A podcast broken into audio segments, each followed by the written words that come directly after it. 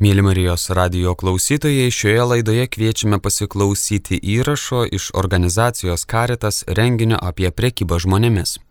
Girdėsite kunigo Algirdo Toleto pranešimą bažnyčios vaidmuo kovojant prieš prekybą žmonėmis - iššūkiai ir galimybės. Ir Lietuvos vidaus reikalų ministerijos viešojo saugumo politikos grupės vyresniosios patarėjos Sonatos Mitskutės pranešimą apie padėtį Lietuvoje.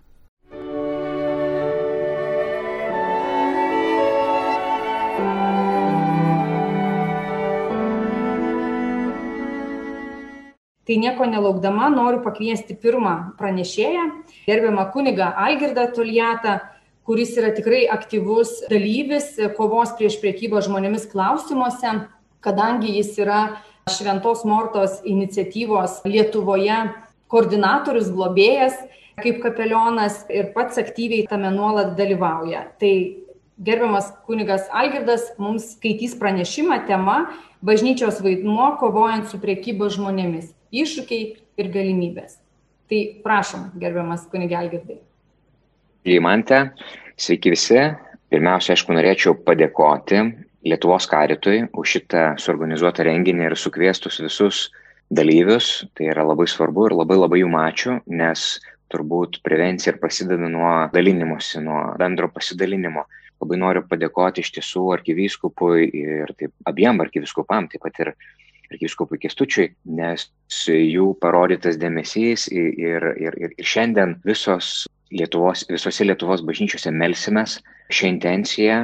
Kodėl tai yra svarbu melstis dėl dviejų priežasčių. Tai viena vertus, pirmiausia ir svarbiausia priežastis dėl to, kad malda jinai yra su gale ir jinai veikia mūsų širdis, Dievo žodis yra veiksmingas ir tai iš tikrųjų keičia ir yra pagalba tiek aplinkai, tiek tiem žmonėm, kurie papuolė į nelaimę, ir maldos galia yra labai svarbi.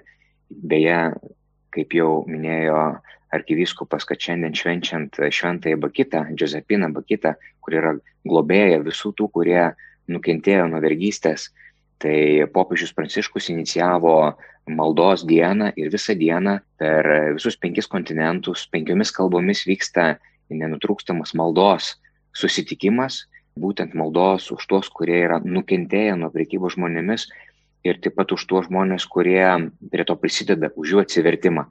Tai popiežių šita tema yra begaliniai svarbi ir atsimenu vienas policininkas iš Moldovos, kai lankėsi Lietuvoje ir mes pasakojame apie šią Šventos Mortos iniciatyvą, tai pirma reakcija buvo tokia pakankamai skeptiška, o kaip gali valstybė ir bažnyčia, kaip čia gali paįtakoti. Bet kai mes pradėjome kalbėti apie tą galimybę švietimo, supratimo, suvokimo, pasidalinimo parapijose, bendruomenėse, jisai sutiko, sako, iš tikrųjų, turbūt tai bus viena iš geriausių minčių, kurią prisivešiu iš šitos komandiruotės, idėjų, tokios inovacijos, nes kartais sklaida be abejo ir gera sklaida, bet ir bloga sklaida gali būti. Gera sklaida, kuomet mes išmokstame identifikuoti, atpažinti ir žinome, kaip sureaguoti, žinom, kur kreiptis, žinom, kam paskambinti, jeigu pamatėme, ar kalbėtume apie kunigą, ar apie parapijos aktyvą ir kad mes nesustabdytume, jeigu pamatėme kažkokią tai žinę ar apraiškas, kad mes galėtume reaguoti. Tai čia yra viena dalis, o kita dalis irgi, kur yra nekiek nemažiau svarbi, tai yra tam tikra teisinga reakcija, kai mes susiturėm su smurtu, bet nežinodami, kaip elgtis na ir, ir galbūt patys išgazdinti to nu, niekaip nereaguojam. Arba nutylim arba nepasakom, o kartais netgi e, suklaidinam, sakom, na, na, bet ypatingai jeigu smurtas vyksta artimoje aplinkoje, kartais yra ta pozicija, kad, na, va, iškentėjo, čia tavo kryželis, tavo iššūkis ir, o žmogui reikia pagalbos, kaip ir kiekvienoje bėdoje, ar mes kalbėtume apie smurtą, ar mes kalbėtume apie priklausomybės, ar mes kalbėtume apie va, šitą pavojų išnaudojimo žmonių ir, ir vergystės, labai labai svarbu, kad mes galėtume tą informaciją pasidalinti ir, ir teisingai ją nukreipti. Norėčiau dar pasidžiaugti, kokios va, iš tų, kalbant apie galimybės, šiais metais mes kartu su policijos kapelionais, policijos kapelionai yra kiekvienoje apskrityje po vieną kapelioną, kuris kuruoja savo apskritį, tai šiais metais mes sukūrėme tinklą kartu su policijos psichologais ir su policijos bendruomenės pareigūnais. Tokį tinklą bendrą, kuriame viena iš temų yra būtent nukreipta prieš prekybą žmonėmis, kadangi, aišku, policijos kapelionai pirmiausia rūpinasi pareigūnais ir jų gerovę, jiem pagalba, bet kartu su pareigūnais rūpinasi visuomenės gerovę, nes čia yra policijos tikslas, tai pagelbėdami Lietuvos policijai mes taip pat ir šita viena iš temų yra prekyba žmonėmis.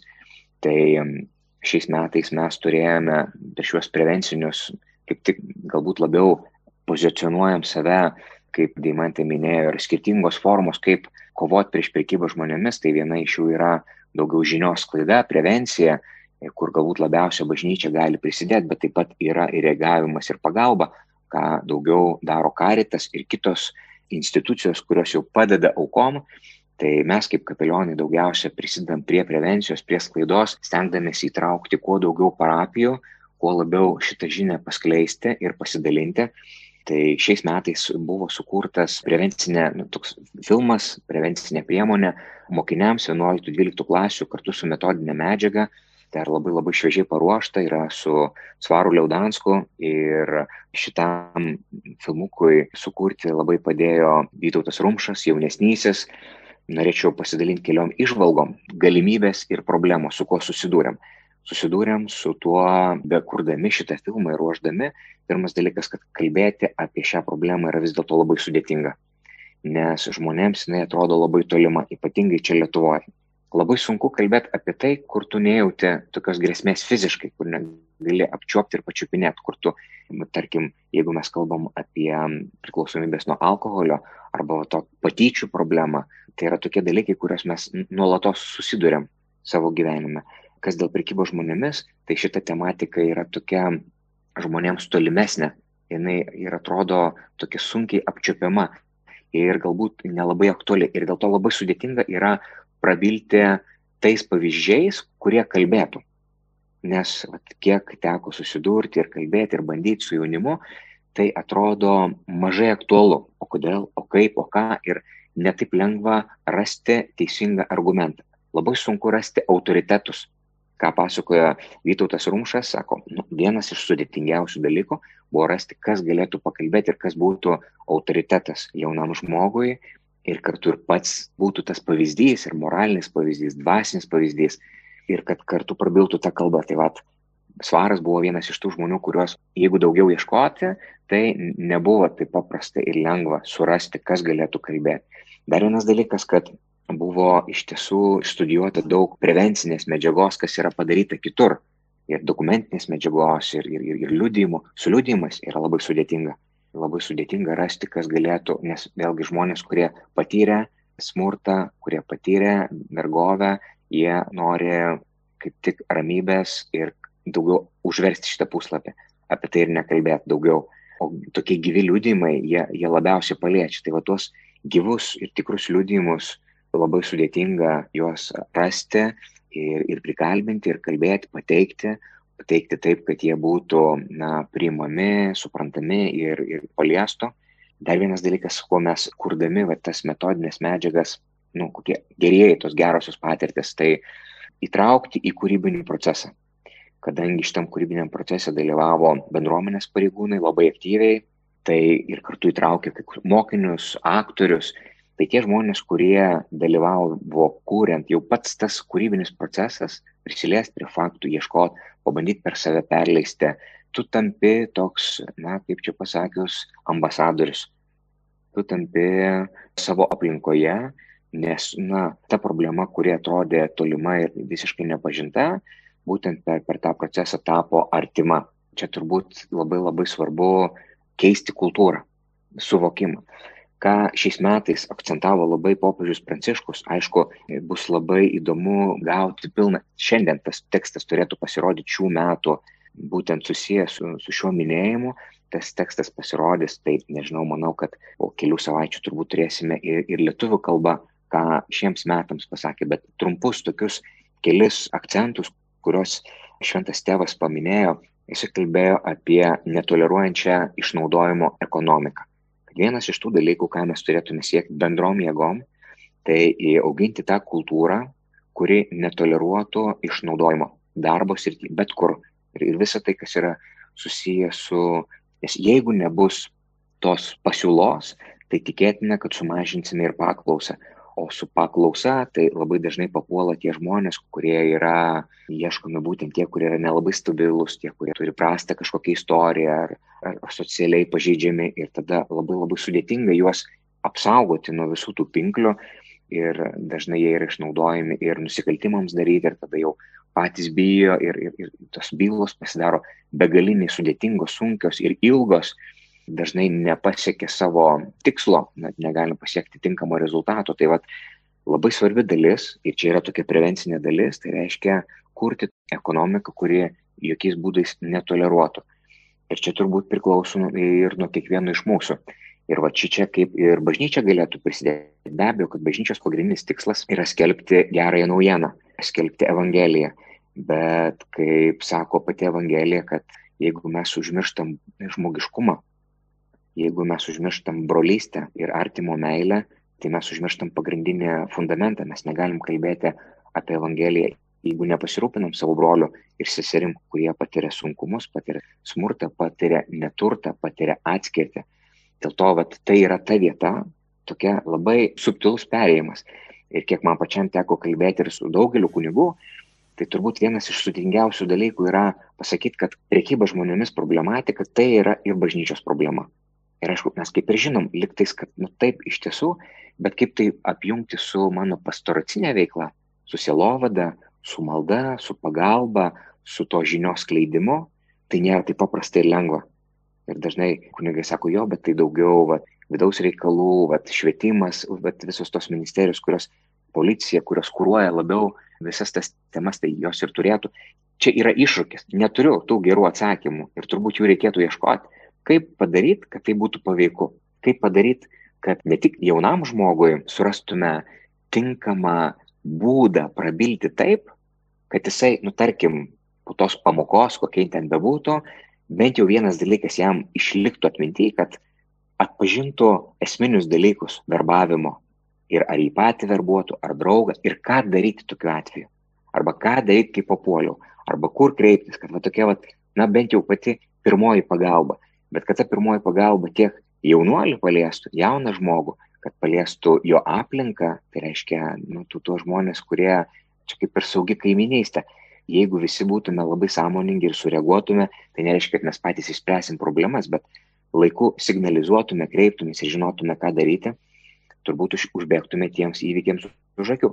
Tai bet kitas dalykas, kaip įtraukti parapijos aktyvą, kaip įtraukti kunigus į vat, tą skausmingą tematiką, kad jie pasijaustų dalininkai viso to.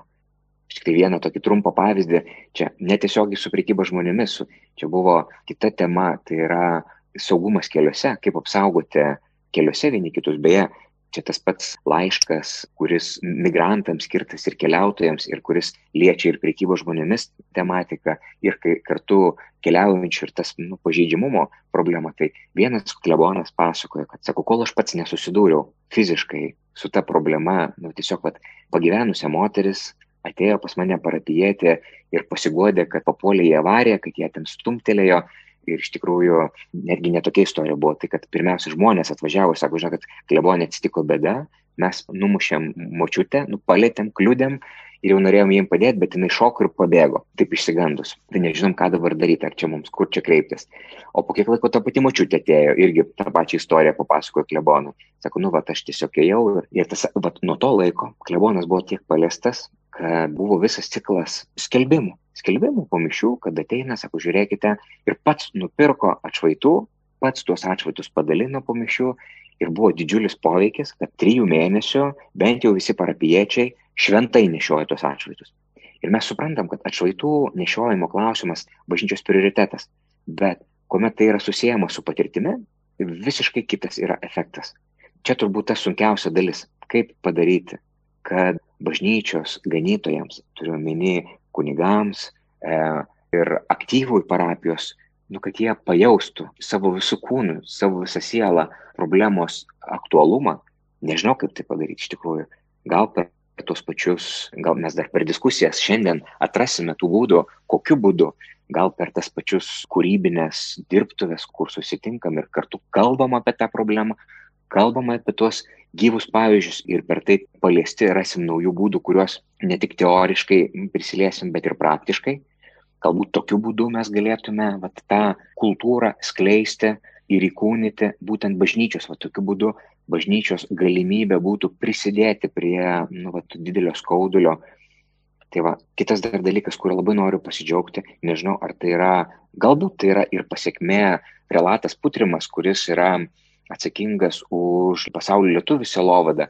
Jis e, iš tikrųjų labai daug kalba šitą temą su savo kunigais ir su bendruomenėm apie problematiką prekybos žmonėmis, apie tą šio laikinę vergystę. Ir žinot, kaip, kiek man teko dalyvauti irgi tuose susitikimuose, tai labai sunki tema.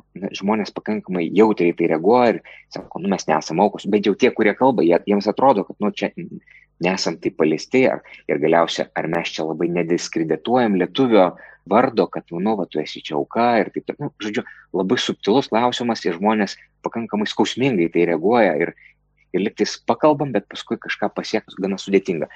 Bet šiais metais jau Ispanijos lietuviai inicijavo tokią programėlę Raktas, į kurią labai aktyviai įsijungia Anglijos lietuviai, taip pat ir paskui Norvegijos, man atrodo, iš Graikijos bendruomenės. Žiūrėjau, ta iniciatyva, pavadinkim, iš apačios, ne, kada patys žmonės ima burtis, kalbėti apie tai, susibūrė į tokį neformalų prieš prekybą žmonėmis tokį tinklą, aišku, čia yra visuomeniniais pagrindais, kartu susijungia vat, ir su mūsų Lietuvos, ir bendruomenės pareigūnų ta iniciatyva, ir, ir, ir kitom institucijom, kurį norėčiau dar pasakyti, nacionalinė asociacija prieš prekybą žmonėmis, kuri labai puikiai kaip ir apjungia ir sugeneruoja ir jungiasi į tas skirtingas iniciatyvas. Noriu pasidžiaugti, kad pasaulio lietuviai jau liktais labai konkrečiais žingsniais pradeda įkūnyti šitą problematiką. Jis tampa jau nebe tik teorija, bet konkrečiai žingsniais. Ir manau, kad aišku, reikia dar eiti ir toliau, nes mes kai kūrėm tą filmuką, ką mes dar nu, susidūrėm. Pradėjom domėtis, aišku, kas jau yra padaryta, tai aišku, atradom, kad yra nemažai padarytų dalykų, gerų dalykų, kurie yra stalčiuose. Nu, jie tiesiog padaryti, bet paskui lieka kažkur tai kažkodėl tai nutarytum sukurta medžiaga, bet jinai arba jau nebelabai aktuali, arba nėra kas ją neša ir skleidžia, tarytum kojų ir rankų neturi. O kitas dalykas, ką dar susidūrėm, kad žiūrim, atradom, kad paraleliai, pavyzdžiui, švietimo mokslo ir sporto ministerija net dvi programas paraleliai daro, irgi vieną appsą kūrė ir vieną programą, irgi filmuko. Tarkim, mes apie tą dalyką sužinojom vos ne atsitiktinai, sužinom, kad yra 120 žmonių specialistų paruoštų pagal kažkokią tai irgi programą prieš prekybą žmonėmis, iš kurį iš, iš pedagogų, iš socialinių darbuotojų. Ir irgi bandėm tą tinklą pajudinti ir pamatėm, kad iš to tinklo dalis dar dirba švietimo sistemų, kitie jau žmonės yra išėję, bet kad irgi buvo, tarytum, ta graži iniciatyva, žmonės apmokyti, ten gal savaitės mokymai buvo, bet paskui niekas to nebejudino. Tas tarytum, nu, va, tas liktais impulsas buvo duotas, o tolimesnių žingsnių nėra. Kur aš matau tokią vat, irgi vat, iššūkį, ne, kuri, prie kurio reikėtų dirbti. Pasižiūrėti tai, kas jau yra padaryta ir, ir tarytum nuėjo į užmarštį. Ir kaip kitas dalykas, kaip mobilizuoti, kad nebūtų, tarkim, švietimo sporto mokslo ministerija vieną filmuką kūrė, vidaus reikalų ministerija kitą, nacionalinė asociacija prieš prekybą žmonėmis, ta trečia kažką tai judina ir tarytum visi daro kažkaip savo pusės, bet kiekvienas eina savo keliais ir kartais tie keliai susijungia, o kartais net nesusijungia. Tiesiog dalinuosi va tais ir atradimais, ir galimybėmis, bet kartu ir iššūkiais. Viskas tarytum yra labai tarpusavį yra susiję. Tai tokie galbūt tokie pagrindiniai dalykai, aš jau matau, kad savo pasidalinimo laiką kaip jau ir išnaudojau, norėjau pasidalinti apie, ką mes esame padarę, bet tai yra, vėlgi, aš sakyčiau, nors jau ne pirmi metai mes tai darome, aš vis vien sakyčiau, kad tai yra pirmieji žingsniai, nes tie mechanizmai greitai neužsikuria. Reikia laiko, kad tai išiltų ir pagautų kažkokį tai ritmą.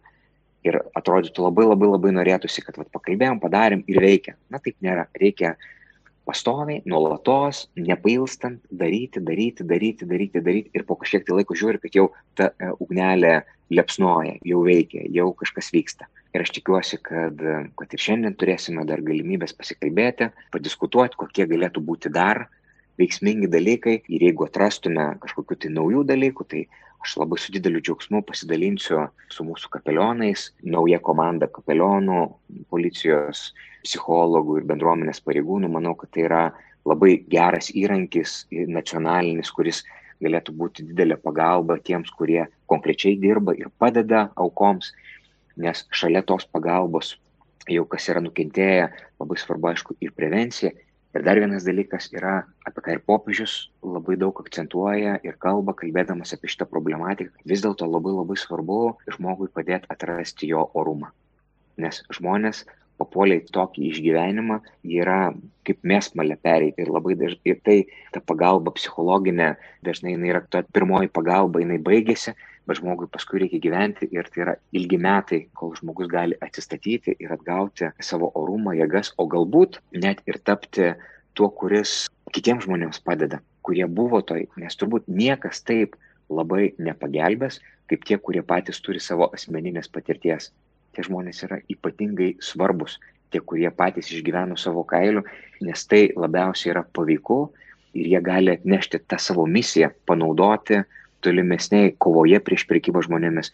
Turime tokią patirtį, va, tarkim, žmonėmis su priklausomybėmis, kur kuningas Kestas Dvareckas, ne pats turėjęs tos patirties, vėliau kartu su Karitu, tiksliau Karitas įkūrė reabilitacinį centrą tiem žmonėm pagalba ir, ir kuningas Kestutis tai yra tas žmogus, kuris, na, iš vidaus tikras apaštalas tos ryties. Tai aš manau, kad mums ir iš čia labai labai labai svarbu kovoje prieš prekybą žmonėmis susiburti tuos žmonės, kurie turi tos patirties ir kad jie būtų mūsų apaštalai, vienokia ir kitokia būdų galėtų dalintis savo patirtimi. Suprantama, kad tai yra labai labai skausminga ir kad žmogus yra neįgalus pats kalbėti, bet galbūt dėl to gali atsirasti na, va, tie, kurie jo vardu, bet tas gyvas istorijas perteikia, tie, kurie yra arti šalia ir, ir gali būti tie žinios nešėjai. Tokios mūsų galimybės, tokie yra mūsų iššūkiai Ir dabar tada perduodu žodį sekančiam pranešėjui su viltimi, kad turėsime dar laiko per diskusiją ir bus kažkokių tai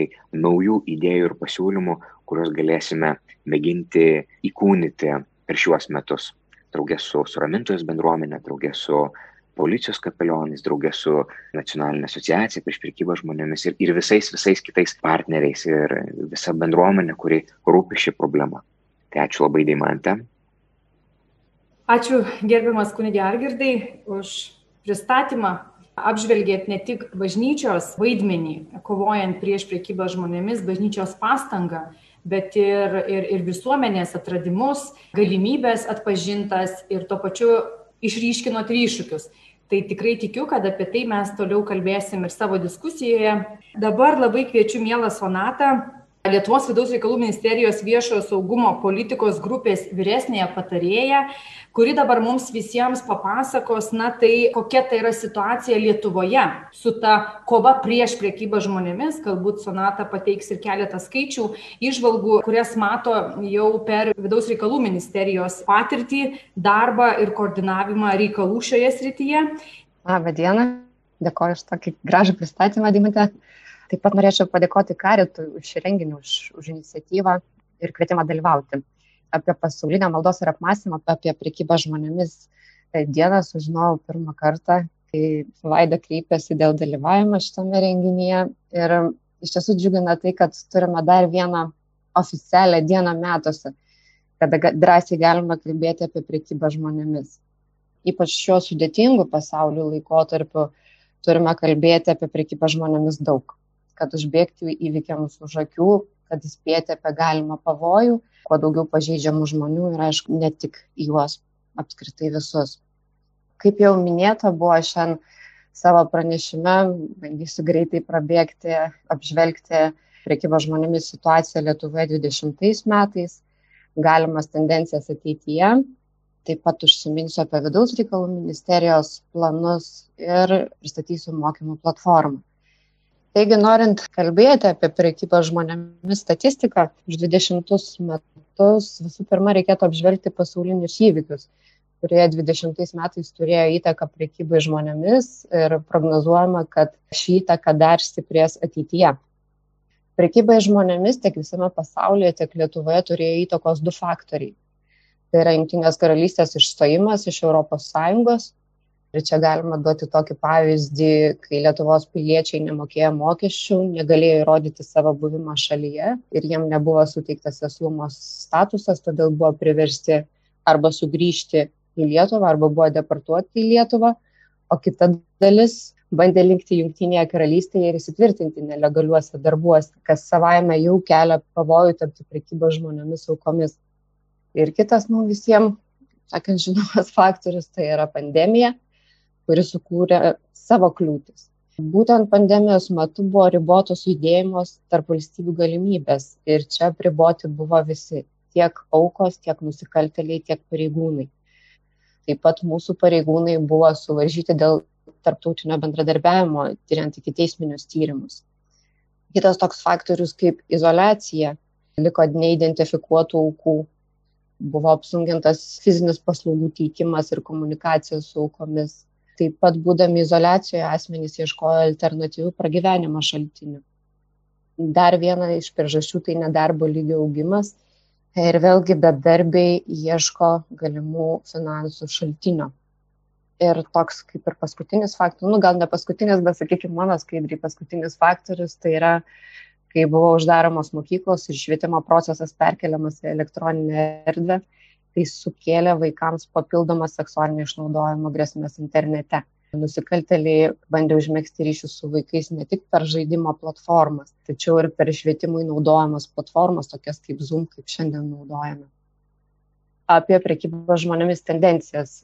Prieš pradedant pasakoti apie statistiką prekybos žmonėmis 20 metais, tokius du punktus norėtųsi paminėti. Tai Duomenys yra preliminarūs. Kaip tik šiuo metu iš institucijų ateina informacija apie kovą su prekyba žmonėmis 20 metais. Todėl grinai vakar vakare bandžiau greituoju būdu suskaičiuoti, suskaičiuoti iki teisminius tyrimus ir nukentėjusių skaičių, todėl jis dar gali kisti. Tai yra preliminarūs duomenys. Taip pat kalbant apie statistiką, svarbu pabrėžti, kad tai yra iki teisminių tyrimų statistika kuri neatskleidžia visos situacijos, kaip pasakyti, visos situacijos mastų. Nes iki teisminiai tyrimai tai nurodo skaičius tų asmenų, kurie kreipiasi į teisės saugą. Manoma, kad nukentėjusių nuo prekybos žmonėmis yra daug daugiau, tačiau jie arba neidentifikuoja savęs kaip prekybos žmonėmis aukomis, arba, sakykime, specialistams trūksta įgūdžių atpažinti priekybą žmonėmis, vėlgi nepasitikima teisės saugo ir taip toliau. Tų priežasčių yra daug, todėl iš tikrųjų negalime paskaičiuoti visų tų nukentėjusių mastų. Pereinant prie statistikos, tai jau kelinti metai iš eilės krenta iki teisminių tyrimų skaičius. Jeigu, sakykime, 2017 per metus buvo pradėta 35 iki teisminiai tyrimai, tai dvidešimtais metais buvo pradėti tiktai devyni nauji ikiteisminiai tyrimai. Gali būti, kad visos tos priežastys, kurias aš vardinau pradžioj, tiek dėl Brexit, tiek dėl COVID turėjo įtakos tam skaičiaus mažėjimui. Ir vėlgi matote mažiau vykdyta apskritai iki teisminių tyrimų, kas džiugina ir ko galime pasidžiaugti, tai kad sumažėjo nutrauktų iki teisminių tyrimų skaičius, lyginant su praeitais metais. Dabar dėl išnaudojimo formų. Iš esmės Lietuvoje išnaudojimo formos jos išlieka tos pačios, keičiasi, sakykime, tik tai nepopuliarumas, bet, sakykime, formas, kurias atskleidžia daugiau ir kurias atskleidžia mažiau. Ir, sakykime, jeigu praeitais metais buvo išnaudojama daugiau nusikalstamoms veikoms, tai šiemet buvo daugiau atvejų, kai buvo išnaudojama priverstiniam darbui šiek tiek mažiau nusikalstamoms veikoms ir po vieną atvejį seksualiniam išnaudojimui, ilgetavimui ir fiktyvioms santokoms. Dėl pasaulio tendencijų, tai pagal Europolą yra prognozuojama, kad iš skurdesnių ekonominių šalių pradės judėti žmonės ieškodami darbo ir greičiausiai juos išnaudos priversiniam darbui ir seksualiniam išnaudojimui taip pat augs e, piktnaudžiavimas informacinėmis technologijomis ir vaikų seksualinis išnaudojimas internetinėje erdvėje. Dabar greitai dėl ministerijos planų, tai mūsų planoje, kaip ir minėjo viceministras, tai kovos su prekyba žmonėmis koordinavimo komisijos veiklos stiprinimas. Planuojama užmėgsti glaudesnį ryšį su savivaldybėmis, nes tai, sakykime, mūsų silpnoji vieta skelbsime užsienio lietuvių bendruomenių prevencijos priemonių konkursą. Šiuo metu keičiame nuostatus, bandome juos padaryti draugiškesnius bendruomenėms, kad būtų lengviau rašyti projektus ir už juos atsiskaityti. Taip pat planuose yra organizuoti tyrimą dėl ikiteisminių tyrimų skaičiaus mažėjimo, konferenciją dėl prekybos žmonėmis priverstiniam darbui ir aišku prevencinė veikla. Apie svetainę gal daug nepasakosiu, tiesiog, kad tiek savivaldybių, tiek bendruomenių prašymą atnaujinome vidaus reikalų ministerijos svetainės prekybo žmonėmis rytį. Ten sudėjome visą turimą informaciją, tiek prevencinę medžiagą, tiek informaciją apie konkursus, teiktus, teiktas paraiškas, gautus rezultatus. Ir toliau, kaip suprantu, liko penkias minutės, tai greitai, greitai apie nuotolinį mokymų kursą. Gruodžio mėnesį vidaus reikalų ministerija paleido nuotolinį prekybą žmonėmis mokymų kursą adresu pzmokymai.vrm.lt. Šis mokymų kursas, čia matote skaidrę iš pirmojo puslapio, jis yra skirtas žinioms apie prekybą žmonėmis suteikti, būtent skirtas specialistams, kurie susiduria arba gali susidurti su prekyba žmonėmis aukomis. Lietuva labai dažnai gauna pastabų, kad vyksta nepakankamai mokymų. Tai čia, sakykime, buvo vidaus reikalų ministerijos atsakas į tokią pastabą ir sukurtas kursas, kai asmenys gali patys savarankiškai išsistudijuoti medžiagą, išlaikyti egzaminą ir gauti sertifikatą. Tai kursas yra padalintas į dvi dalis bendroji dalis yra skirta specialistams, kuriem gali tekti bendrauti su prekybo žmonėmis aukoms, o specialioji dalis yra iki teisminio tyrimo pareigūnams, prokurorams ir teisėjams.